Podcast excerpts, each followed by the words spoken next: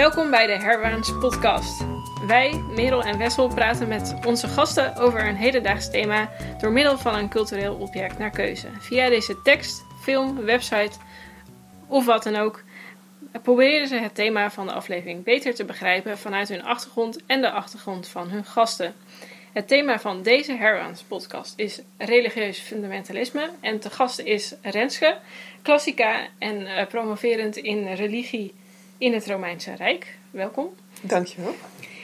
En uh, ja, we gaan het dus hebben over religieus fundamentalisme. Dus dan zijn er twee vragen: wat is fundamentalisme en wat is dan het religieuze aan religieus fundamentalisme? Um, fundamentalisme is volgens Wikipedia het teruggrijpen op normen en waarden zoals deze oorspronkelijk het meest bekend of algemeen gebruikelijk waren. Um, dus je gaat terug, zoals het woord zegt, naar het fundament. Uh, en het religieuze um, gaat vaak terug op orthodoxie. En orthodoxie komt van de woorden orthos, dus recht, als in niet krom, en doxa, dus de leer. Dus uh, religieus fundamentalisme kan je omschrijven als uh, teruggaan naar de juiste leer. En uh, vaak is het de orthodoxie geradicaliseerd. Dus daarom hebben ze het ook vaak over radicaal als we het hebben over religieus fundamentalisme. Um, het gaat op een, om een vasthouden aan de traditie. De Nederlandse overheid definieert het als volgt. Een geloofsbeleving die een absolute, exclusieve en universele waarheid kent. Loyaliteit uh, van de aanhangers is van groot belang. Uh, en tegenwoordig hebben we het uiteraard vaak, uh, of is het bijna synoniem aan islam, religieus fundamentalisme, en het terrorisme wat we kennen sinds, of, ja, sinds 11 september. Maar je hebt uiteraard ook christenfundamentalisme en ook de hindoe, hindoes, bijvoorbeeld de Hindutva in India kan je omschrijven als religieus fundamentalisme. Um, ja, dus daar gaan we het deze keer over hebben. En Wessel gaat beginnen. Yay, oké. Ik wil het graag hebben over Fight Club. En dan vooral het boek. Um, dus niet zozeer de film, hoewel het eigenlijk allemaal hetzelfde is. Maar het, het religieuze fundamentalisme zit iets duidelijker in, in het boek. Um, dus in Fight Club uh, hebben we een groep mensen die een, een vechtclub opstarten. En dat is vooral omdat de hoofdpersoon, die geen naam heeft, Tyler Durden tegenkomt. En die inspireert hem om eh, zich los te koppelen. En eigenlijk zie je hierin het religieus fundamentalisme in een soort fases ontstaan.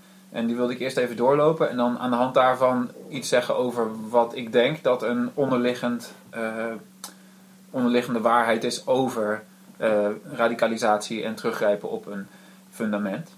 Um, fase 1 is eigenlijk dat alle mannen, het zijn allemaal mannen in dit boek, um, die, die voorkomen, die zijn geïsoleerd en ze zijn gedesillusioneerd. Ze zijn vaderloos, ze zijn godloos, ze zijn compleet troosteloos. Um, en ze kunnen eigenlijk dus nergens houvast krijgen. In de film zit een hele mooie scène dat hij rondkijkt naar als een IKEA-meubilair en, en dat het hem niet meer um, helpt in zijn strijd tegen zijn eenzaamheid en zo. Um, en dat is dus ook wat uh, Tyler Durden dan dus aangeeft. Een citaat eerder, eerder, vroeg in het boek is: uh, Maybe self-improvement isn't the answer. Een paar regels later: Maybe self-destruction is the answer. Dus ze, ze zien gewoon niet meer hoe kan ik uit deze, uh, dit vacuüm zeg maar, overeind komen. En dan denken ze: Nou, dan ga ik dus maar gewoon alles afbreken en kijken wat er dan dus nog overblijft. Dus daar zit een soort uh, zoektocht in, terug inderdaad, naar een, een, een, verloren waarheid of een verloren betekenis. Uh, in de hoop onder al die prut en alle, alle commercie iets te vinden wat, wat waar is. Dan komen ze dus in fase 2 terecht. Daar worden ze bevrijd door pijn en stoïcisme. Ze noemen het de hele tijd rock bottom dus, zoals we al zeiden. En uh, omdat het geweld zo grenzeloos is en zo zelfdestructief, proberen ze een soort van uh, ascetisch tot een soort waarheid te komen. Um, ja, het gaat dan natuurlijk in Fight Club specifiek over twee mannen die met ontbloot boterlijf met elkaar moeten vechten tot er eentje knock-out gaat. Um, maar het komt er in principe op neer dat je dus door jezelf te harden en te testen erachter komt dat je niet zo breekbaar bent als je dacht. En dat het ook allemaal eigenlijk geen zak uitmaakt. Eh, want iedereen die daar aan het vechten is, die denkt: wow, maar nu ben ik, nu leef ik. En als ze dan twee dagen later weer op hun werk komen en ze zitten onder de schrammen en hun eh, manager van de afdeling zegt: eh, Wat is er gebeurd? Wat, dan zegt ze gewoon: Ja, zoek het uit. En ze spugen bloed in, hun, in het gezicht van die manager. Van, weet je, niemand krijgt ze meer klein, want ze hebben een gevecht gewonnen. Dus ze voelen zich, zeg maar, ehm, ehm, los uit de samenleving die ze, die ze nep vonden, die ze dus ehm, verwerpen, zeg maar. Dus ja, er zit hier een, een aantal verschillende eh, religies door elkaar heen. Maar in ieder geval is het belangrijk dat ze stoïcijns zijn en dat ze eh, toch een soort verlichting zoeken. Er wordt bijvoorbeeld op een gegeven moment gezegd eh, zen, een hostile peace of mind. Er wordt gezegd dat ze verlicht zijn. En ehm, uiteindelijk is het dus zo dat, dat ze door dat hele geweldsproces ehm, zichzelf bevrijden van alle dingen die ze eerst dwars zaten. En hier heb ik nog een mooi citaat. Uh, After pain, everything is a story. Pain distances and detaches. Yourself becomes an object you can manipulate or not. Asceticism, Buddhism, Christianity and psychopaths. Human sacrifice indeed.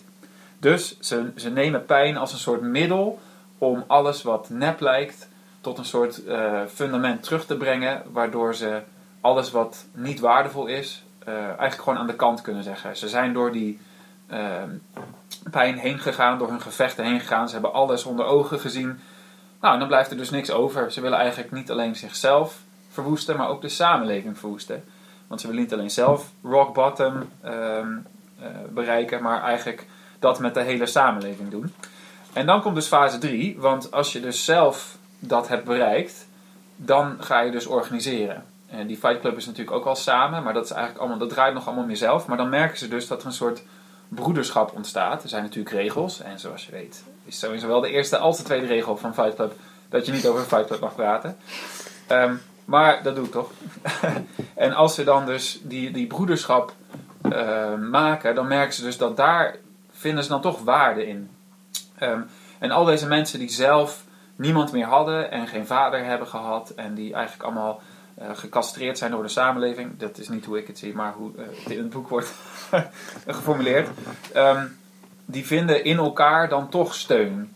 En ehm, dan ontstaat er dus een organisatie, die wordt georganiseerd door Tyler Durden. En die wil eigenlijk dus dat hit rock bottom voor de hele samenleving. En hij is keihard tegen iedereen die mee wil doen. Mensen moeten drie dagen voor de deur staan eh, voordat ze binnen mogen komen. En dan worden ze uitgekafferd en weggestuurd en hun spullen worden op de grond gegooid. Wat overigens ook een verwijzing is naar bepaalde boeddhistische kloosters. Ehm, Of naar studenticoze praktijken. ja, eigenlijk wel. Want ook daar natuurlijk zeg maar, moet je eerst vernederd worden en helemaal afgekraakt worden. Zodat je daarna echt bij de groep kunt, zeg maar. Ja. Eh, en dan, dan heb je dus... eh, daar moeten we met z'n tweeën dan wel even hard om lachen misschien. Ehm, maar in ieder geval, daarin zit ook een soort fundamentalisme. Want zodra je eh, je dus volledig toewijdt aan zo'n organisatie... Laten we toch even teruggaan naar religie in plaats van alleen maar over studentenvereniging te praten. Dan is dit ook alles eh, wat in jouw leven speelt. En dat geeft je een heel zeldzame soort focus. En alles is eigenlijk heel simpel, want je doet natuurlijk precies wat deze groep van je wilt. Ehm, en dat geeft een soort machtsgevoel en een soort eh, idee van we zijn, we zijn ehm, ja, ik voel me hier thuis. Hm. En eh, dat, die, die hechting die ze daar dan hebben, die is eigenlijk heel fijn voor al die individuen. Ehm, dat is dan fase 3. En dan heb je dus een, een religieuze secte eigenlijk. En in het geval van eh, Fight Club heet het dan Project Mayhem. En dan gaan ze eigenlijk gewoon terroristische daden plegen. Ehm, en in de film ziet het er allemaal in eerste instantie ook heel vet uit. En iedereen is natuurlijk cool. En Brad Pitt is vet gespierd. En eh, als hij onder het bloed zit, ziet hij er nog steeds heel cool uit en zo.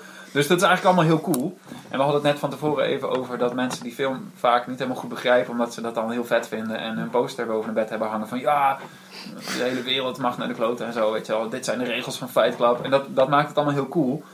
Uh, in het boek, en eigenlijk in de film ook, maar in het boek is het super duidelijk dat dat allemaal misschien wel heel tof is in het begin, omdat je dus inderdaad tot een soort kern lijkt te komen. Maar de tweede helft van het boek en van die film laat eigenlijk zien hoe eng het is als mensen zich dus overgeven aan zo'n organisatie. Dat er dan iemand aan het hoofd staat die zegt: Dit gaan we doen. En dat iedereen geen weg terug meer heeft, zich volledig verbonden voelt met die club. En dus eigenlijk als iemand dan zegt, nou, wat we nu gaan doen is eh, terroristische aanslagen plegen, omdat we de rest van de wereld ook willen bevrijden, dat die hele club daarin meegaat, zeg maar. Hm. Ehm, en die, die club is groter dan ieder individu, dus geen enkel individu kan zich ook meer verzetten tegen die club. Want nou ja, zo, dat, is, dat is in het boek duidelijk, maar dat is ook denk ik ehm, gewoon in onze samenleving wel duidelijk. Je kunt niet meer als één iemand binnen een heel extreme club zeggen: Ik stap eruit. Want dan zegt de hele club: Nee, niemand stapt uit deze club. Ehm, dus je hebt een soort massa. Ehm, en dus zijn ze tot alles bereid in naam van de groep. Ehm, en eigenlijk laat dit boek, wat mij betreft, heel mooi zien dat dat in eerste instantie een soort heel mooi proces is van waarheid zoeken. Hm.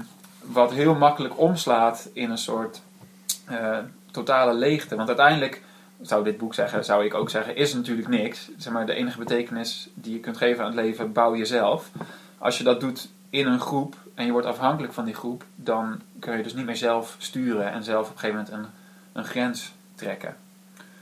Ehm, dus wat ik daarmee zou willen zeggen over religieus fundamentalisme is dat eigenlijk, zover ik zou kunnen zeggen, dat bijna altijd een, een gevolg is van eh, isolement en eh, een leven leiden wat niet eh, waarde heeft en niet goed genoeg zelf eh, daar waarde aan kunnen geven. Waardoor je op zoek moet gaan naar iets wat je zin geeft. En als dat een groep is met mensen die je dwingt om door allerlei processen te gaan, dan kom je er ook niet meer uit. Wat, wat, ik, wat me opvalt, dat dan, als je het zo omschrijft, zijn er twee problemen aan religieus fundamentalisme. En dat, het ene is ehm, dat ze denken dat er een waarheid te vinden is onder al die dingen. Mhm. Dus eh, dat er ergens één, één eh, eh, absolute waarheid moet zijn. Ja, en die is precies. inderdaad te vinden. En die, het is niet zoals jij zei, zelf te- dat maak je niet zelf. Nee. Terwijl dat uiteindelijk is, tenminste, wij denken dat, dat je de waarheid zelf maakt. Ja. Maar zij denken dat je hem ergens kan vinden. En als je die, en als je die dus gevonden hebt, dan moet iedereen de- die waarheid ook vinden. Dus eh, de tweede enge is, is dat je dus eh, het idee wil verspreiden. Ja, Dus dat is eh, Project Mayhem. ja, Ja, het essentiële bij het vormen van een groep is dan natuurlijk wel dat er niet alleen een wij is, maar dus automatisch ook een zij die Mhm. daar buiten staat en die, nou ja, ofwel moet verdwijnen ofwel ook bij de wij moet gaan horen. ja, Aan de andere kant is dat wel interessant als je het over het gemeenschappelijke doel van dat soort organisaties hebt. ja, Want als er geen zij meer is, ja, waar, waar ontleen je je identiteit dan nog aan? ja, Dus het heeft iets heel destructiefs, die, Ja. die groepsvorming binnen zo'n zo'n fundamentalistische groep. ja. Ja. Daarom denk ik ook dat dit boek dat zo, zo goed vangt. Want aan het begin is er alleen maar een soort amorfe massa van de samenleving waarin niemand zich goed voelt. Zodra iemand durft te zeggen, hier ben ik het niet mee eens, laten we met elkaar gaan vechten, komt daar een soort sturing in. Ehm, maar er is natuurlijk Project Mayhem, dat zegt de naam ook al, heeft natuurlijk geen beeld van hoe de wereld er daadwerkelijk uit zou moeten zien. Alles moet kapot, maar er is niet daarna weer iets positiefs om op te bouwen of zo. Het enige wat er is, is dat alles kapot moet. En ehm, ik, omdat dit natuurlijk niet op zichzelf een religie is, laat het ook heel goed zien dat er niet eens een soort, ehm, hoe noem je dat? Er zit geen façade overheen van, maar we doen dit allemaal in naam van iets groters of iets beters of zo. Ja. Dit is echt gewoon puur zelfdestructie, totdat je op een punt uitkomt dat je verlicht bent en dus gewoon tegen je baas kunt zeggen: Het interesseert me allemaal niet wat je me vraagt te doen. Ik kan jou gewoon midden op de dag in elkaar slaan en het, het doet me niks. En, en eh, veel eh, religieus fundamentalisme wat wij kennen uit de samenleving, heeft juist wel die façade van we doen het ergens voor. Ja, En eh, de Fight Club heeft dus je alleen maar het afbreken naar Ja. de waarheid toe, ja. zonder, zonder het doel. Ja. Wat het eigenlijk enger Ja, het zou zo mooi zijn Ja. als, als, als je dus aan het eind van de rit door die fases heen hebt. eh desillusie, isolatie, bevrijding door ascetisme en stoïcisme en pijn in dit geval en, en vechten met mannen in een kelder. Eh, en dan als laatste dat je dan dus ziet, oké, nou er is dus niks, dus ik ga nu mijn eigen betekenis maken, Ja. want dit vind ik belangrijk. Maar dat ontbreekt, want ja, ze moeten door als groep. Ze kunnen niet meer zelf opereren. Je noemt de term stoïcisme. Ja. Ik bedoel, van mij, vanuit mijn achtergrond in de Ja. klassieke is stoïcisme juist ehm, traditioneel in een Romeinse context heel erg geassocieerd met wel politiek bedrijven en Ja. wel binnen de maatschappij functioneren. Klopt. Dus ik vind het heel apart dat het hier dan zo'n duidelijke rol speelt in een totaal destructieve zin. Ja, ja, het gaat om loskoppelen dan. En Mhm. natuurlijk, de Stoïcijnen waren niet losgekoppeld van de wereld om zich heen, maar alleen losgekoppeld van dingen die ze niet konden beïnvloeden, zodat Ja. ze geen last ervan hadden, of zo min mogelijk last of zo. Ja, het is apathie in een wat beperktere Ja, zin. Het Ja. is niet dat je helemaal niks meer met de wereld te maken wil hebben, maar meer dat je er niet door gehinderd wordt in je functioneren. precies. Ja. Wat heel leuk is als je tot de Romeinse elite behoort overigens, maar dat... Ik Ja, zal nee. niet te uitgebreid Ik- zeuren over stoïcisme. Ja, nou ja, het is, ik, ik heb er zelf wel eh, affiniteit mee, moet ik zeggen. Maar het is inderdaad interessant hoe, de, hoe je dat kunt inzetten. Tot, eigenlijk is dat misschien wel de kern van waar we het vanavond ook over gaan hebben. Dat stoïcisme nu gebruikt wordt als een soort eh Mm. vehikel voor een ander doel. Nou, waarschijnlijk kan je dat over elke eh, religie zeggen die, eh, ja, die radicaliseert door een bepaalde groep mensen. Ik wil nog één ding over Fight Club zeggen specifiek. Ehm, mijn favoriete scène, die overigens helemaal niet eh, dat denk ik eigenlijk, weet ik eigenlijk niet zeker, in de film zit, is dat hij krijgt dus een opdracht als hij bij Project Mayhem zit, de, de hoofdpersoon. Ehm, en dat is, ga iemand bekeren door met een pistool tegen zijn hoofd te gaan staan. Dus hij loopt gewoon de straat over, hij heeft een pistool in zijn zak en hij denkt, wie ga ik pakken? En op een gegeven moment loopt daar iemand en hij denkt, die moet ik hebben. Dus hij trekt zijn pistool en hij pakt zijn portemonnee af en hij stelt hem allemaal hele nare vragen aan de hand van zijn portemonnee. Oh, je bent student. Waarom kom je dan hier vandaan? Je hebt toch net gewerkt? Je bent niet aan het studeren, lijkt me. En hij komt er dus achter dat Raymond Hassel, zo heet hij, al heel lang wil studeren en eigenlijk grote dromen heeft, maar het niet voor elkaar krijgt, want hij is niet gemotiveerd genoeg. En Hm. hij heeft een baantje en dat moet hij ook nog doen. En hij heeft al die vage verplichtingen en zo. En eigenlijk bekeert hij hem. En het is prachtig. En het is in, in die eerste keer dat je die scène leest, denk je: wow, je moet gewoon iemand een pistool tegen zijn hoofd zetten. En ineens ziet hij dat alle dingen die niet belangrijk zijn, niet belangrijk zijn. En gaat hij doen wat hij eigenlijk wil. Want aan het eind zegt dus gewoon: Raymond Hassel, als ik jou hier nog een keer tegenkom, weet ik dat je dus niet doet wat je eigenlijk wil doen. En dan schiet ik je door je hoofd. Dus vervul je dromen, Raymond Hassel, anders schiet ik je door je hoofd. En dan gaat hij het dus doen. En ik dacht naar die scène: oh vet, dat. Je moet gewoon zo'n zo'n breekmoment hebben. Misschien moet ik ook een pistool tegen het hoofd van mijn leerlingen zetten, dacht ik toen. Figuurlijk. Maar toen dacht ik, nou, nee, wacht, wacht. Want daar gaat het dus juist mis. Het is, het is eh, opgelegd. Dus het kan nooit... ehm, eh, je kan er ook niet meer uit. Het is niet een, een positieve keuze, maar je wordt gedwongen je te eh, onderwerpen aan een soort... eh, nu moet je wel, of zo. Maar de term, rock bottom, de term rock bottom komt toch uit van een, ook vanuit de EE. Zeg maar, het idee dat als je een, een alcoholverslaving hebt, dat je Ja. dan eerst echt op het absolute nulpunt moet Ja. zetten. Omdat, er, omdat dat het moment is waarop je alleen nog maar omhoog kan. Ja, Dus dat is wel een interessant gebruik van die Ja. term in deze context. ja er zitten ook allemaal zelfhulpgroepen in wat dat betreft. Dat is heel interessant. Ja, daar begint het Ik, eigenlijk mee. ik moest Ja. ook heel erg denken aan. ehm, ik kom even terug op het onderwerp voor, voor vorige week. Ja. Ehm, aan, aan sommige zelfhulptrends die we nu hebben, zoals Ja. minimalisme, is, Ja. is ook het, het ontdoen van allerlei zaken, zodat je weer tot de kern komt. Ja. Eh, dat is heel grappig om het in deze context eh, over dat soort stromingen te hebben, want dat associëren wij natuurlijk helemaal niet met. Vechten in de ehm, kelder. Oh, ja, of fundamentalisme. Ja. Eh, maar als je het zo bekijkt, dan, dan heeft het wel iets. Want het is ook een zoektocht om inderdaad terug te gaan naar wat, het, wat, het, wat er eigenlijk toe doet. Ja. Eh, Een soort zingeving dus eigenlijk door Ja. rituelen zou je kunnen zeggen. Ja. Een waarheid, een doel en een wij. Ja. ja, Dat, eh, ja. Want ik denk dat best wel veel zelfhulpboeken ook, of zelfhulpdenken heel dogmatisch is. Ja. Ehm, dus wat dat betreft sluit dat mooi aan. Ja, Ja. nou ja, dat was wat ik een beetje wilde zeggen over Fight Club. Dus tenzij jullie nog specifieke vragen hebben. Eh, ik zou iedereen aanraden dit te lezen trouwens. Het was echt eh, heel... Sowieso, de film is tof, maar het boek is eigenlijk nog toffer, vind ik zelf. Ja, ik vind, vind het wel mooi dat het zo eh, goed laat zien dat, er een dat je zoekt naar een fundament en dat je daarna een soort van eh, geloofsverspreiding wil doen. Al is dat hier natuurlijk heel ehm, ironisch, omdat ze Ja. eigenlijk nergens in geloven. Ja, precies. Ja. je, je noemde net al kort eventjes dat, ehm, dat heel veel mensen met name de film verkeerd opvatten. Ja, Eh, ja. Hoe denk je dat dat komt? ja, het is gewoon zo cool. Dat is gewoon, het is, er zit ergens iets heel aantrekkelijks in alles wat zogenaamd moet afbreken. Aanvechten in een kelder. Ja, ja, nou sowieso. Maar goed, kijk, het is natuurlijk heel treurig dat ze vechten in een kelder. En er zitten allemaal verwijzingen in naar dat deze mensen allemaal dus niet mannelijk zijn. En dat ze daarom juist hun mannelijkheid moeten zoeken.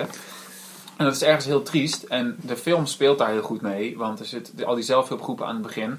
Een van de, de belangrijkste daarvan is Bob. En Bob, die heeft... eh er was een worstelaar of een bokser of zo. Misschien een, een bodybuilder. Die was de meest mannelijke man, maar die heeft allemaal hormonen geslikt. En daardoor heeft hij nu borsten gekregen. En eh, zijn vrouw heeft hem verlaten omdat hij borsten heeft gekregen. En nu eh, nou, allemaal gedoe met erecties ook en zo. Dus het lukt hem allemaal niet meer. Dus hij is juist heel vrouwelijk. Maar hij gaat op een gegeven moment ook bij Fight Club. En dan slaat hij gewoon allemaal mensen knock-out. En dan krijgt hij dus weer grip op zijn mannelijkheid. En uiteindelijk gaat hij ook bij Project Mayhem en zo. Als je dus niet goed kijkt, dan lijkt het dus van... Ja, we worden stoer en we worden mannelijk. Mm. En we verzetten ons tegen alles wat, wat, wat de, de, de samenleving zegt dat we moeten doen. We moeten netjes met een wit shirt op kantoor komen en Ja. IKEA-meubels hebben. Ehm, maar nee, we moeten gewoon knokken. Eh, en dat is heel cool. Maar dan mis je dus die hele laag met... Ja, maar wacht even. Je moet wel opletten dat het uiteindelijk dus zinloze zingeving is. En dat het uiteindelijk eh, niet jezelf opbouwt, maar jezelf afbreekt. Zodat je zelf niet meer kunt zeggen wat je belangrijk vindt. Ja, want wat mij dan opvalt is van... Oké, de maatschappij moet afgebroken worden. Ja, Maar blijkbaar niet het idee van mannelijkheid van die nee, maatschappij. nee, klopt. Ja, Dat, dat is ongenaakbaar genoeg om bijna dogma te worden ja in die zeker een groepering. dogma. Ja, ja, ja. ja. Dus dat Volgens de groep, niet de schrijver. Dat is nog even wat Nee. ik wel wil Nee, zeggen. Als je dus goed leest, en dat is bij die regisseur ook zo van die film, dan, zij snappen het wel, maar het publiek nou niet altijd. Nou, er is een reden dat ik altijd een beetje sceptisch ben over mensen die Fight Club als favoriete film aangeven. Dus dat, Ja, eh, nou goed, gewoon, je moet eigenlijk Maar- nog één, als, je, als er mensen zeggen Fight Club is echt mijn favoriete film, dan zou ik je aanraden om één of twee vragen te stellen over, vind je Tyler Durden nou ook cool? nou, Ja. doorvragen doe ik meestal toch wel, daar hoef je niet bang voor te Oké, zijn. ja goed, maar dan Ik- kom ik erachter. Ik Ja. moet nu heel erg denken aan, aan die incel eh, Ja. mannen. Ja. Die zich ook dus heel erg eh, geschaad voelen in hun mannelijkheid door de huidige samenleving. En Ja. daardoor ook eigenlijk radicaliseren. Ja, Ehm, eh, want incel staat voor involuntary celibate. Ja. Dus zij, zij ehm, houden de samenleving eigenlijk verantwoordelijk voor het feit dat ze eh, geen, eh, geen vrouw hebben of geen seks hebben eigenlijk. Mhm. Ehm, en dat is, ja, daardoor daar, daar worden ze zo geschaad voor in hun mannelijkheid dat ze, dat ze gewelddadig worden en dus ook Ja. bijvoorbeeld aanslagen hebben gepleegd. Precies, nee, dat hoor je inderdaad bij een aantal van die recente aanslagen in de, in de VS. Hoor je Ja. dat heel nadrukkelijk. Dat, nou ja, het, het idee dat ze, ze niet voldoen aan het idee van mannelijkheid en ook de schuld daarvan bij vrouwen leggen, dat dat een, een concrete aanleiding voor, voor geweldpleging wordt. En het is heel interessant hoe dat soort ideeën heel, heel extreem kunnen worden, ook door wederzijdse aanmoediging. Ja. Eh, ik heb een tijdje geleden een, eh, ik weet niet of het een video-essay of een daadwerkelijke documentaire was gezien over eh, hoe mensen in die, in die incel-fora elkaar heel erg aansporen door te bevestigen dat ze inderdaad niet goed genoeg zijn. Dus het is geen positieve gemeenschap van nee, je, je bent echt wel mannelijk genoeg of je voldoet echt wel aan de eisen, maar er wordt juist heel erg gezegd, nee, mensen uploaden dan foto's en krijgen dan te horen, nee, inderdaad, het- jij zult nooit een vriendin krijgen, want je bent zo ontzettend onmannelijk. dus dat spoort elkaar heel erg aan in dat idee van wij staan buiten de maatschappij en moeten, Ja. moeten onze eigen richting daarin En het gekke is dat daar toch wel een soort groepsvorming in zit, waar, ze, zich- waar je dus wel weer heel erg kan aansluiten en bevestigd kan worden. En in ieder geval ben je daar dan in thuis of zo. Ja. Ja, Ja, dat slaat wel, dat slaat wel heel Ja. erg aan op mijn onderwerp. Laten we vooral doorgaan. Ja, Ehm, ik wil het hebben over The Reluctant Fundamentalist van eh Moshin Hamid. Ehm, eh, dat vertelt het verhaal van, eh, het is één avond in eh, eh, Lahore. En je, eh, er is een man en die heet Changé. Dat is uiteraard een heel, ehm, heel erg eh, duidelijke naamgeving. Moet je niet Shanghai heten? Ja, ik weet niet hoe je het precies Zo uitspreekt. zou ik het zeggen, maar goed. Ja, Maar eh, ik, ik, ja, ik vind namen uitspraken altijd heel moeilijk. Maar Changé is wel even goed om duidelijk te maken waar de woordspeling eh, om gaat. En deze man is een, het is een Pakistani en hij vertelt aan een Amerikaanse vreemdeling over zijn liefdesaffaire in Amerika met een Amerikaanse vrouw. En eh, waarom hij uiteindelijk Amerika verlaten heeft. En eh, dat speelt zich na 11 september af. En hij vertelt bijvoorbeeld dat hij eigenlijk dat hij remarkably pleased was toen 11 september gebeurde. En dat, ehm, dat hij daarna ook merkte. Hij, eerst was hij gewoon. Hij was een Pakistani, maar was ook een Amerikaan. Hij deed gewoon mee in de samenleving. En op een gegeven moment, dus na 11 september, werd de. Ehm, ehm, de ik ben even het Nederlands woord kwijt, suspicion. Uh, verdenking? Ja, de verdenking uh, naar Pakistani toe uh, werd steeds groter. Dus hij werd steeds meer gezien als een Pakistaan in plaats van een Amerikaanse burger. Of in ieder geval iemand die meedeed in de Amerikaanse samenleving. en daardoor is hij uiteindelijk uh, naar Lahore verhuisd. Hij is ook een baard gaan groeien. Dus een baard wordt natuurlijk heel erg geassocieerd met uh, religieus fundamentalisme. Mm zeker met islam-fundamentalisten. dus in het verhaal wordt je heel erg meegenomen in zijn, ja, zijn verhaal, waardoor hij steeds meer in het hokje wordt gedrukt van: jij bent een Pakistan, je hebt een baard, dus je bent een fundamentalist. Dus hij Ehm, het, het, je wordt als lezer ook heel erg goed meegenomen in deze ontwikkeling. Waardoor je op het punt dat je. Er wordt uiteindelijk iets onthuld. Ik zal het niet onthullen, want als je het wil lezen, dan eh, is dat niet leuk. Hm. Ehm, maar dan ben je ook echt wel een beetje een soort van geschokt van. Oh, uh, dus je wordt heel erg ook met je eigen verwachtingspatroon gespeeld. En dat is natuurlijk uh, het verwachtingspatroon van Amerikanen na 11 september. Is heel erg van hij ziet er Pakistaans uit of hij ziet er ehm, ehm, oostelijk uit en heeft een baard, dus dat moet wel een terrorist zijn. Ehm, terwijl hij, die Changé, die zegt dus eigenlijk: Ik ben fundamentalistischer geworden doordat jullie mij in het hokje stopten van fundament, religieus fundamentalist of terrorist. En waarom ik dit aanhaal is er zijn volgens mij twee soort van kanten van hoe sluit je je aan in een groep. Zoals jij zei bij het Fight Group. En de ene is dat je daadwerkelijk gelooft in hetgene wat die groep uh, voorstaat. Dus uh, dat je daadwerkelijk op zoek bent naar dat, uh, die ene waarheid van whatever de religie dan ook is. En daadwerkelijk denkt dat er geen plaats is voor mensen die er anders over denken dan jij. Mm -hmm. En er zijn, denk ik, veel meer mensen die zich aansluiten bij een religieus fundamentalistische groep. Simpelweg omdat ze zich miskend voelen door de grotere samenleving. Zoals bijvoorbeeld incels. Hmm. Uh, of radicalisatie door vliegvelddouanes. Ja, precies. Dat, volgens mij is dat ook een van de voorbeelden in het boek. In ieder geval, er is ook een film van gemaakt en die is veel explicieter in uh, de, de verandering laten zien. En dat, daar hebben ze ook zo'n inderdaad zo'n scène dat hij uit uh, de rij voor vliegtuig wordt gehaald.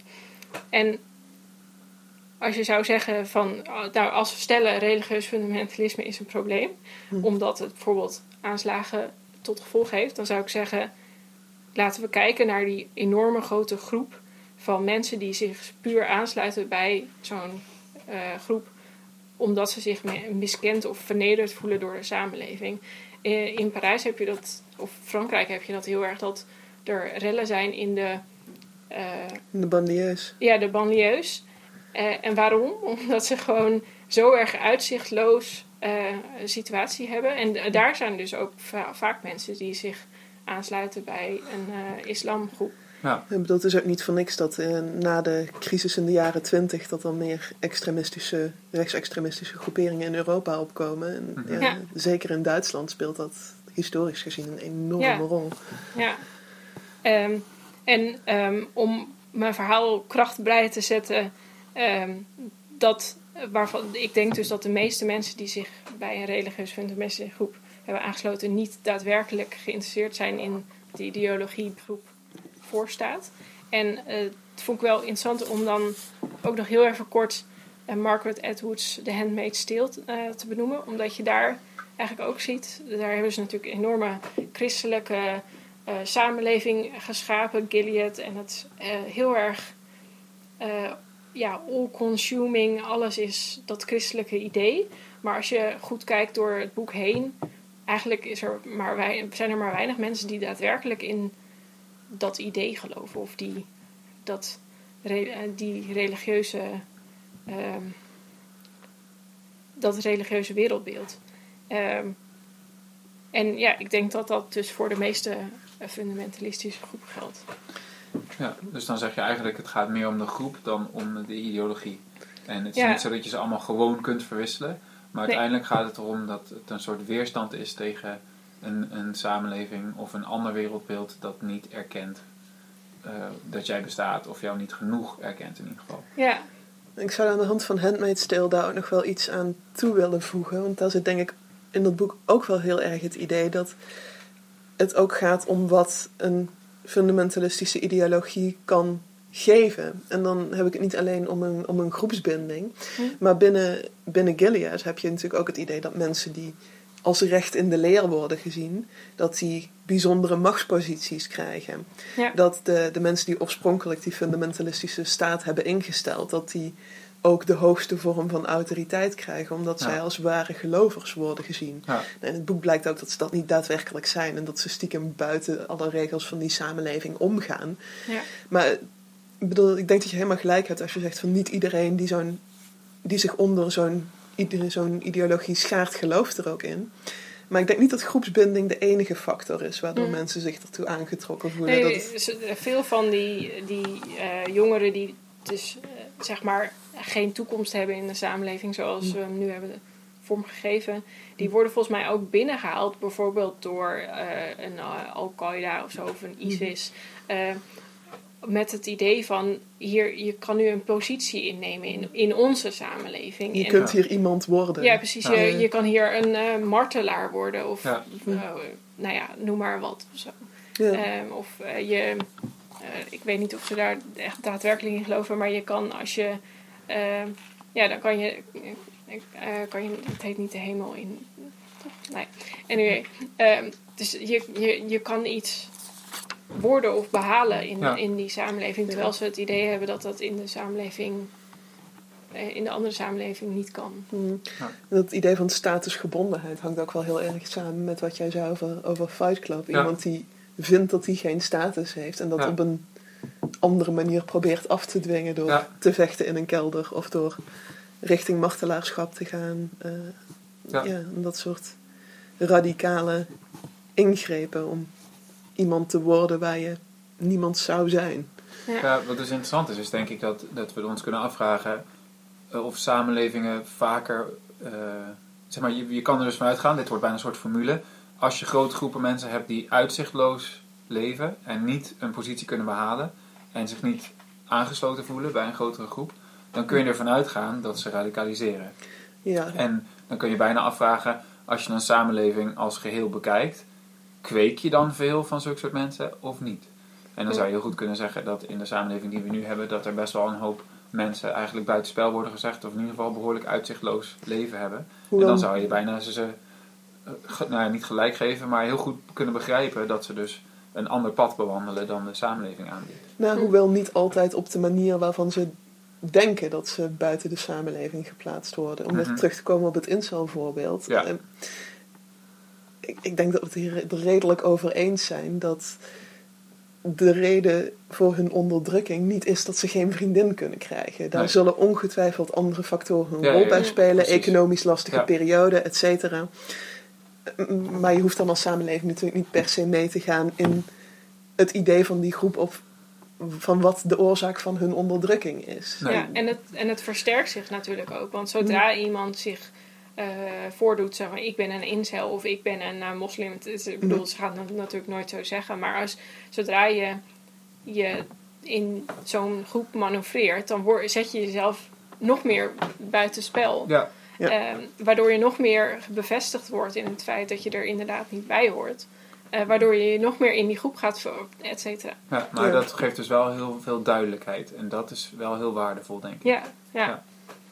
Maar goed, eh, ik denk dat je gelijk hebt. Je hoeft niet hun gedachteproces mee te nemen om toch te kunnen erkennen. We zien wel dat er heel veel mensen zijn die op deze manier buitenspel worden gezet.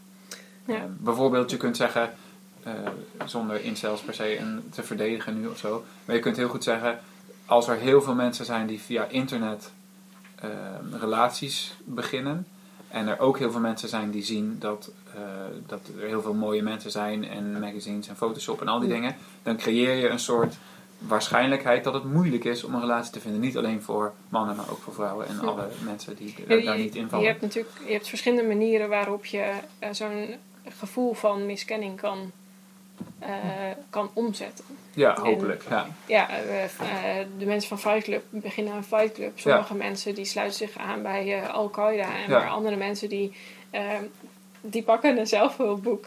Of ja, gaan yoga doen. ja, Ja. precies. Eh, ja. Dus je hoeft niet per se te radicaliseren als je Nee. je miskend voelt. Maar Nee. het is wel vaak zo dat mensen die radicaliseren zich miske- miskend hebben gevoeld Ja. in de samenleving. Of, die, ja, of dat gevoel van miskenning nou terecht is of niet. Ja, precies. Ja. ja. Het gaat meer om het gevoel dan om Ja. de realiteit daarachter, denk ik. Klopt. Ja, Oké, mooi.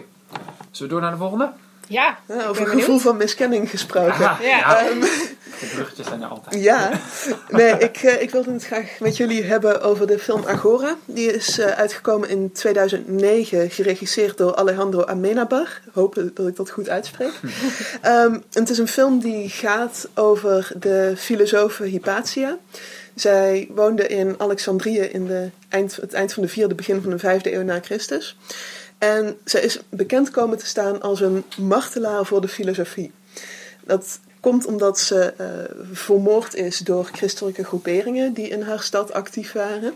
En de film gaat er eigenlijk over hoe eh, het christendom een steeds duidelijkere factor wordt binnen het Romeinse Rijk, maar specifiek binnen Alexandrië. En hoe het in conflict komt met mensen die nog traditioneel Grieks-Romeins polytheïsme aanhangen, maar ook met de Joodse gemeenschap van Alexandrië. En het is een, een heel bijzondere film die niet 100% een historisch accuraat beeld geeft, maar denk ik wel een heel interessant beginpunt is van hoe mensen over fundamentalisme nadenken. Ehm, die film heeft namelijk behoorlijk wat kritiek gekregen uit christelijke groepen. Eh, interessant genoeg niet vanuit het Vaticaan. Dit is de zeldzame film eh, over religie die vanuit het Vaticaan redelijk buiten schot is gebleven. Ehm, maar wel door andere christelijke groeperingen. Ehm, met name een eh, Spaanse katholieke groep, de ja, Anti-Defamation Observatory. Ehm, die hebben de opmerking gemaakt dat deze film haat jegens christenen zou promoten. Er zijn opmerkingen gemaakt over dat eh, de christenen in, in deze film heel erg worden afgeschilderd als de Taliban. De regisseur heeft ook min of meer gezegd dat daar wel visuele verwijzingen in zitten. Ehm, en mensen vi- vielen daar enorm over, omdat blijkbaar het idee van wie fundamentalist is, heel nadrukkelijk niet met christenen geassocieerd werd door deze mensen. Ehm, dus puur door die discussie daarover roept het een aantal heel eh, interessante vragen, heel aantal interessante vragen op over wie er nou fundamentalisten zijn en wie niet. En de film heeft daar een beetje een, een antwoord op in die zin dat het mensen van, vanuit zowel het polytheïstische kamp als vanuit het christelijke kamp als heel radicaal neerzet bij tijd en wijle, maar soms ook als heel redelijk. Dus eh, er wordt geïmpliceerd dat Hypatia zelf atheïst is, maar zij gaat wel om met haar vader, die ook filosoof is, eh, maar eh, tegelijk ook nog wel in het polytheïstische geloof van zijn voorouders ehm, daarin gelooft en daarmee omgaat. En hij wordt als een vrij redelijk mens neergezet. Terwijl er ook priesters van de god Serapis in zitten die veel radicaler zijn en eigenlijk het liefst willen dat de christenen worden uitgeroeid. En ze zeggen in die film ook van, "Ah, mijn grootvader heeft nog gezien dat die christenen voor de leeuwen geworpen werden. En dat was eigenlijk een hartstikke goed idee. Ehm, tegelijk zie je dat er onder de christenen inderdaad een, ook in die film wel een radicale groep zit. eh, die Hypatia uiteindelijk ook stenigen en haar daarmee vermoorden. Eh, maar Hypatia heeft ook een leerling eh, in haar filosofische school die later bisschop binnen de kerk wordt. En die dus wel als een redelijk denkend, mild mens wordt neergezet. Dus persoonlijk denk ik niet dat de film echt partij kiest in welke kant het ondersteunt. Ehm, maar het presenteert wel een soort contrast tussen religie en redelijkheid. Hypatia zegt op een gegeven moment ook tegen die leerling: uh, You don't question what you believe or cannot, I must. Um, dus het, het gaat veel meer over twijfel als een bron van redelijkheid en absolute acceptatie van een waarheid als een potentiële bron van gewelddadigheid. Hoewel het niet zegt dat, dat die vaste overtuiging altijd tot geweld leidt. Mhm. Nou, dat roept bij mij een heel aantal interessante vragen op, omdat mijn specialisatie is, is oude geschiedenis en is religie in het Romeinse Rijk. En de vraag naar wat religie in de antieke wereld nou precies inhoudt, is al jaren heel erg het onderwerp van discussie. Uh, er is iemand, uh, Brent Nongbury, hij heeft een boek geschreven, Before Religion. En daarin zegt hij eigenlijk, nou ja, het idee van religie als uh, iets dat tegenover het seculiere staat, dat daar los van staat en dat zijn eigen ding is, dat is een heel recente uitvinding. En dat komt in de oudheid dus eigenlijk niet voor. Nou, ik vind persoonlijk dat dat een stelling is die heel erg ver gaat. Um, dus met name de titel Before Religion roept natuurlijk het idee op dat religie in de oudheid niet bestaat. En ik denk dat dat, mm pardon the pun, fundamenteel onjuist is. um, maar het roept wel vragen op over hoe men omgaat met religie. Ja. En we hadden het net even over de definitie van fundamentalisme. En Merel, jij haalde dat aan wat de, de definitie van de Nederlandse overheid is. Ja. Uh, dus het idee van een exclusieve waarheid en loyaliteit aan een groep, dat daar heel nadrukkelijk in verweven zit. Ja. Um, nou, als je als definitie van fundamentalisme neemt dat vasthouden aan een dogma, dan kun je denk ik wel zeggen dat um, fundamentalisme, religieus fundamentalisme, in een polytheïstisch Romeinse context zo goed als onmogelijk wordt. Um, Romeinen hebben geen heilig boek waar ze naar terug kunnen grijpen. Er is niet één vaste vorm van ritueel. Er zijn enorme regionale verschillen en individuele verschillen over hoe men precies welke god vereert en onder welke omstandigheden. Dus dan zou je moeten zeggen, nou ja, Romeins fundamentalisme is in essentie onmogelijk. Ja, want ze, ze kunnen niet terug naar één waarheid. Precies. Ja. Um, en dat is ook deels van waarom dat, dat beeld heerst dat het Romeinse Rijk zo enorm tolerant was. Een beetje met uitzondering van het christendom. Dat is een, een beeld dat nog steeds heel nadrukkelijk heerst. Als je nou aan de andere kant zegt van nou ja, fundamentalisme is iets waar eigenlijk je hele wereldbeeld bepaald wordt door religie. En waar ook een zekere loyaliteit aan religieuze traditie gevraagd wordt, dan kun je denk ik wel degelijk zeggen dat er zoiets als Romeins religieus fundamentalisme bestaat. Ehm, er is een, een, theorie van het zogenaamde embedded religion, uh, die eigenlijk stelt dat een heleboel elementen in de Grieks-Romeinse samenleving verweven zijn met religie. En dat religie op al die vlakken een rol speelt.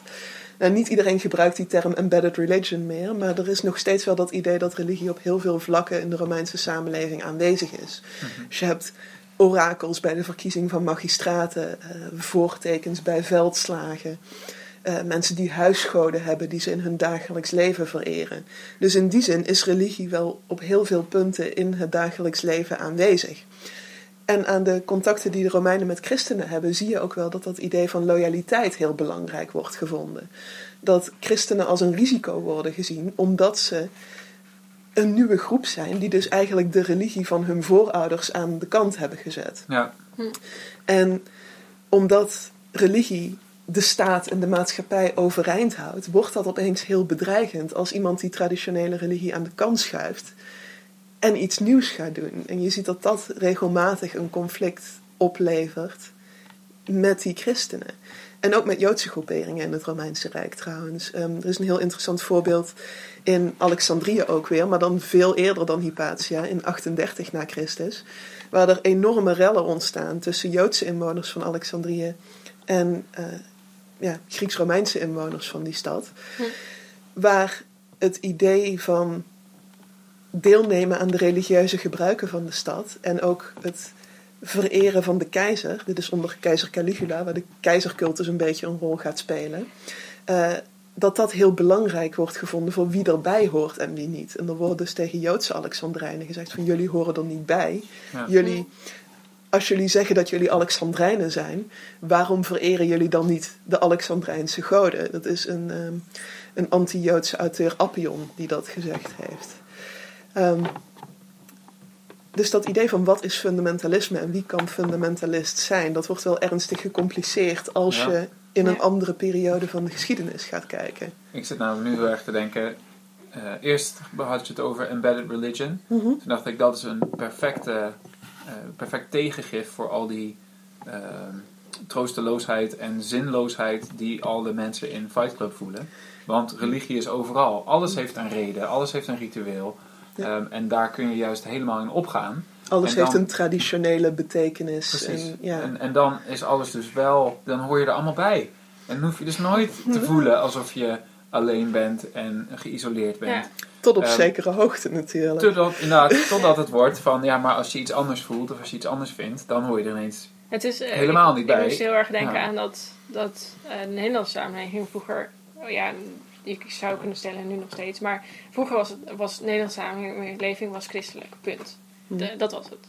En eh, dat is heel erg wat jij net omschrijft. Dat, eh, je hebt de polytheïstische godsdienst en dat, dat hoort gewoon bij het eh, Romeinse Rijk. Dus een christelijke of een, Joodse persoon, die staat daar dan buiten.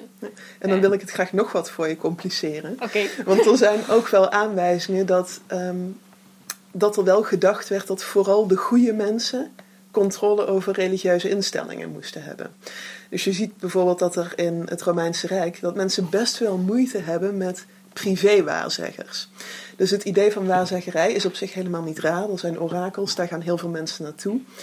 Maar op het moment dat dat tot op zekere hoogte geprivatiseerd wordt. En dat gewone mensen niet naar een erkend orakel gaan, maar naar iemand die een kraampje op de markt heeft staan en de toekomst voorspelt van, voor twee as, een Romeinse munteenheid.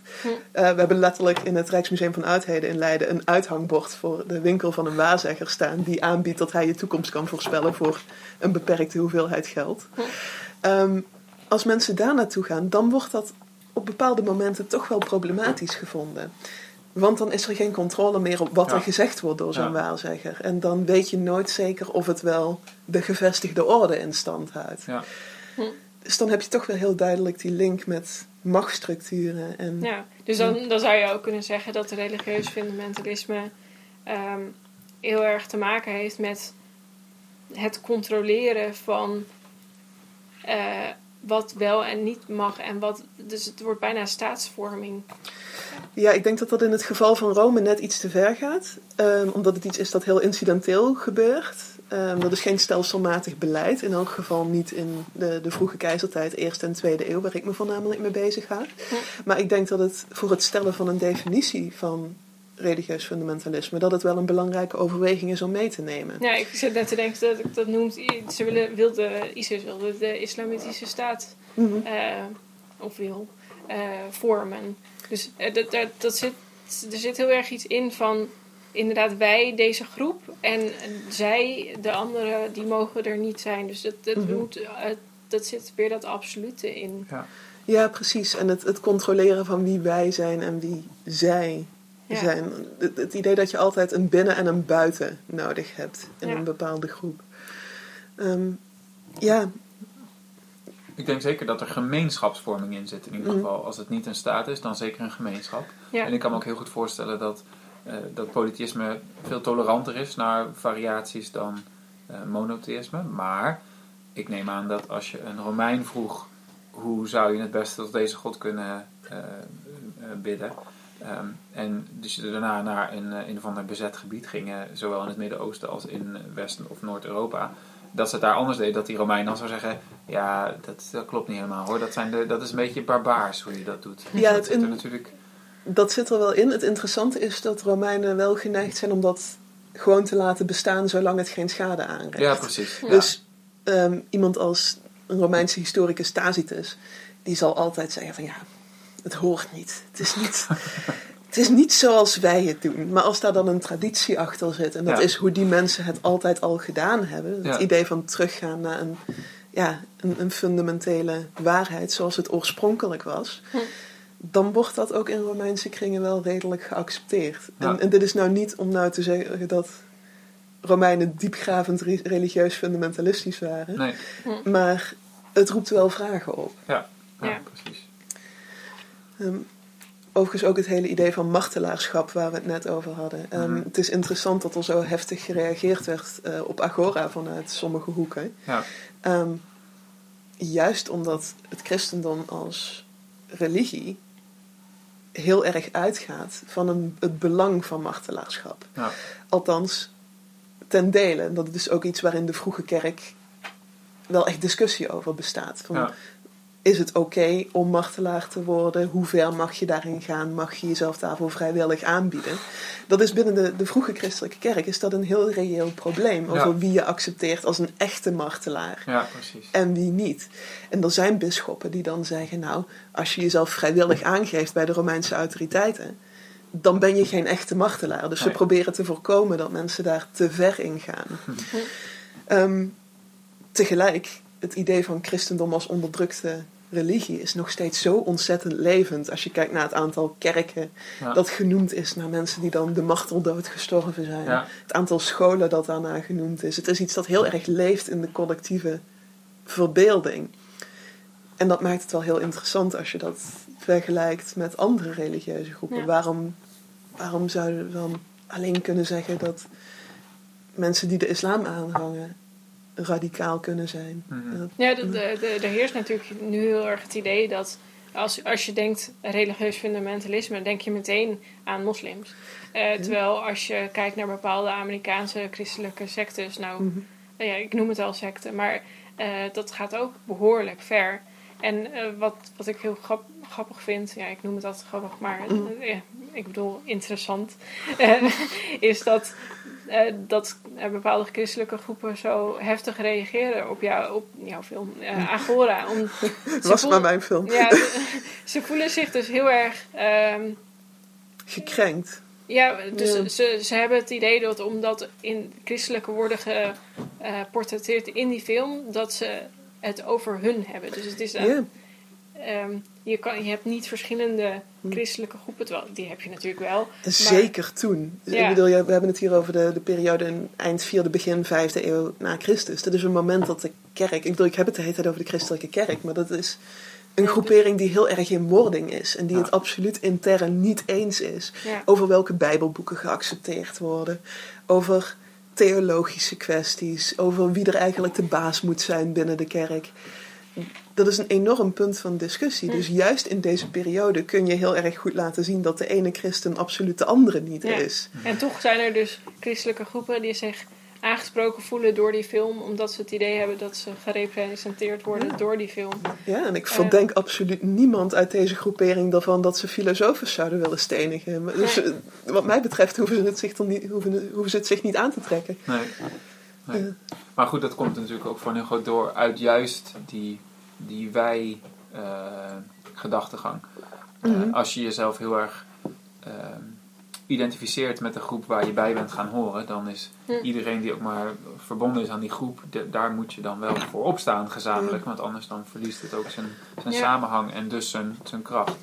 Ja, maar goed, we hadden het net een beetje over het tegengif tegen fundamentalisme. En dat Ja. het belangrijk is om te kijken waar mensen hun gevoel van onderdrukking vandaan komt. Ik denk dat er evenzeer een educatief component aan moet zitten.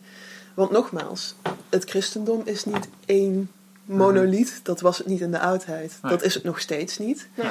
Ehm, en datzelfde geldt voor de islam. Ehm, nou ja, als je toe wil richting ideologie als, als quasi-religie, dan is ook de ene kapitalist of de ene socialist, de andere niet. Nee. Ja. Ehm, dus ja, het tegengif tegen groepsdenken is niet om radicaal mee te gaan in, Nee. in dat groepsdenken, wat mij betreft. diversiteit laten Ja, naar nou, boven brengen. precies. En ook Ja. erkennen dat je het echt niet eens hoeft te zijn met iedereen die pretendeert bij jouw groep te horen. Ja, ik, ik denk ehm, wat misschien moeilijk is aan. Of ik zou zeggen wat wat de crux is aan, aan religieus fundamentalisme, is dat zoeken naar een absolute waarheid. En als je Mhm. dus denkt dat er een absolute waarheid bestaat, dan is iedereen die iets anders denkt dan jij eh, per definitie verkeerd. En dan moet je er iets aan gaan doen. Zodra je het idee loslaat dat er iets bestaat als een absolute waarheid, Ja. dan is het dus ook niet meer erg dat iemand anders iets anders denkt. Ja, nou, ik bedoel, je ziet dat mechanisme zelfs in de meest vrijzinnige groeperingen. hè. Ik bedoel, Ja. binnen feministische groeperingen zijn er ook intense discussies over wie zich nou wel en niet een echte feminist mag noemen. Ja. Ehm, dus over wederzijdse verkettering gesproken. Eh. Ook dat kom je overal tegen waar mensen een heel duidelijke in-group tegenover een vijandige out-group willen creëren. Ja, maar als, als we het dan terugbrengen naar een soort eh, an- eh, tegengif, dan zou je bijna zeggen: diversiteit moet onderwezen worden en Hm. erkend worden, zonder mensen het gevoel te geven dat ze geïsoleerd zijn of, of nergens bij horen en, en het dus allemaal geen zin heeft. Dus je moet een soort kunnen balanceren tussen: oké, wij zijn alle drie verschillend, maar we kunnen toch samen een gesprek hebben en ons samen voelen. Ja. En tegelijkertijd, we kunnen allemaal onze eigen waarheid hebben, maar ze hebben, zijn allemaal zinvol. Dat zijn twee tegenstellingen moet, die je eh, moet kunnen je het? balanceren. groepsgevoel hebben eh, met diversiteit. Ja, maar dan de tweede is dus eh, niet een absolute waarheid, Ja. maar wel zinvol voor iedereen individueel. Ja, ni- niet, niet het, eh, hoe zeg je dat, ni- nihilistische van Fight Club. Van, Precies. eh, Het maakt allemaal niks ja, uit. Het, Ja. het staat toch naar allemaal nergens op. Ja. Ja. en doorvragen zou ik zeggen. Want als ik kijk naar het, eh, het boek van The Reluctant Fundamentalist, Mhm. van het idee dat iemand gewoon puur visueel eruit wordt gepikt als oh hij zal wel, Ja, dan bied je iemand dus niet meer de mogelijkheid om te praten Ja. over wat hij nou daadwerkelijk gelooft, wat hij vindt van de hele situatie. Dan geef je ook geen ruimte aan een complexe relatie die iemand misschien heeft met Amerika in dit geval. Ja, de, de, is, er- in de film is het heel expliciet dat hij eh, in het begin echt het super fantastisch vindt aan Amerika. Hij is heel erg eigenlijk veramerikaniseerd. Mhm. En simpelweg om zijn uiterlijk wordt hij in het hoekje gestopt van... oh, jij bent een terrorist. Ja. Eh, en daardoor wordt hij eh, geradicaliseerd. Ik bedoel, ik denk dat heel veel van ons het op vliegvelden wel eens hebben zien gebeuren. Dat iemand de rij uit wordt gepikt en dat je denkt, ja, maar wat is er nou in vredesnaam de reden voor? Ja, En ja, ja is- dus eigenlijk de middelen die wij inzetten om te zorgen dat eh, er geen terroristische aanslagen worden gepleegd vanuit religieus oogpunt, zijn de middelen die zorgen dat dat, dat nodig is eh, om dat te voorkomen. Nou ja, het, het maakt dat iemand automa- automatisch buiten het wij wordt geplaatst en dus zijn eigen wij gaat zoeken. Ja, Ehm, en dat vind ik wel een verontrustende gedachte, dat dat stelselmatig genoeg gebeurt met mensen. Ja. ja. Dat ze zich inderdaad aangetrokken gaan voelen. ja tot... als, je, als je ziet wat we nu allemaal voor voorbeelden hebben opgenoemd van mensen die zich niet gerepresenteerd voelen Mhm. en daardoor een eigen groep gaan starten, En, die ja. enge eh, kenmerken heeft. En nogmaals, ik zeg niet dat dat in alle gevallen even legitiem is, of dat alle groepen die we nu besproken hebben op hetzelfde niveau staan. Nee, nee, nee. Maar het geeft wel te denken dat we zo geneigd zijn om mensen in te delen zonder hen daar zelf inspraak in te geven. Hm. Dat, dat is denk ik wel de crux van de zaak. Ja, ik vind het wel een mooi afsluitende ehm, zin. Dus ik zal nog even eh, kort samenvatten wat we allemaal hebben besproken. En ehm, wa- waar we lijken omheen te cirkelen is dat eh, religieus fundamentalisme juist vooral te maken heeft met groepsvorming. Dus eh, je, er is een zoektocht naar zingeving, dus naar de waarheid. Wa- Wat is die? Hoe kunnen we die vinden? Ehm, en daarbij, daarbij gaat een groepsvorming gepaard. En dan heb je dus, eh, doordat er een groep ontstaat, een wij en een zij. En dan is de, de zij automatisch ehm, iets eh, wat ehm, waar ja, tegen gevochten moet worden, kan ik het zo noemen. Letterlijk of metaforisch. Letterlijk of metaforisch. En eh, juist de groepsvorming van religieuze fundamentalisten ontstaat doordat ze zich niet eh, thuis voelen in de groep eh, van de samenleving zoals die nu is. Eh, dus wat jij net zei, Renske. ehm, dat ze zich niet in de wij meegevoel, meevoelen zoals, die, eh, ehm, zoals we die kennen in de maatschappij. Mag ik daar toch nog iets aan toevoegen? Nou, uiteraard. Want je kunt natuurlijk ook, we hebben het nu allemaal over mensen die later fundamentalistisch worden. Maar het is natuurlijk ook iets waar je in geboren kunt worden. En waar je van Ja. jongs af aan kunt meekrijgen dat je bij een wij hoort. En dat er een wij of een zij daarbuiten is. Ja. Ehm, dus dan krijg je dat idee van een groep en het idee dat de, de maatschappij in bredere zin gevaarlijk is. Krijg je dan al van heel jongs af aan mee. En als je bijvoorbeeld kijkt naar groepen als de Westboro Baptist Church, Ja. dan zie je dat ook heel nadrukkelijk gebeuren. Eh, en zie je ook dat het soms binnen die wij voor mensen heel moeilijk wordt om zich te handhaven. En dat ze zich dan weer van zo'n groep gaan afkeren, omdat de wij geen wij meer is. Ja, dus, dus eh, willen we religieus fundamentalisme eh, kunnen begrijpen en wellicht eh, kunnen vatten, moeten we vooral kijken naar groepsvorming. En, of kijken we vooral naar groepsvorming en naar wij en naar zij en hoe deze zich tot elkaar verhouden. Ja, ik denk diversiteit tegenover eenheid en een absolute waarheid tegenover persoonlijke zingeving. Zoiets. Dat vind ik een mooie afsluiter. Oké, nou hartstikke mooi.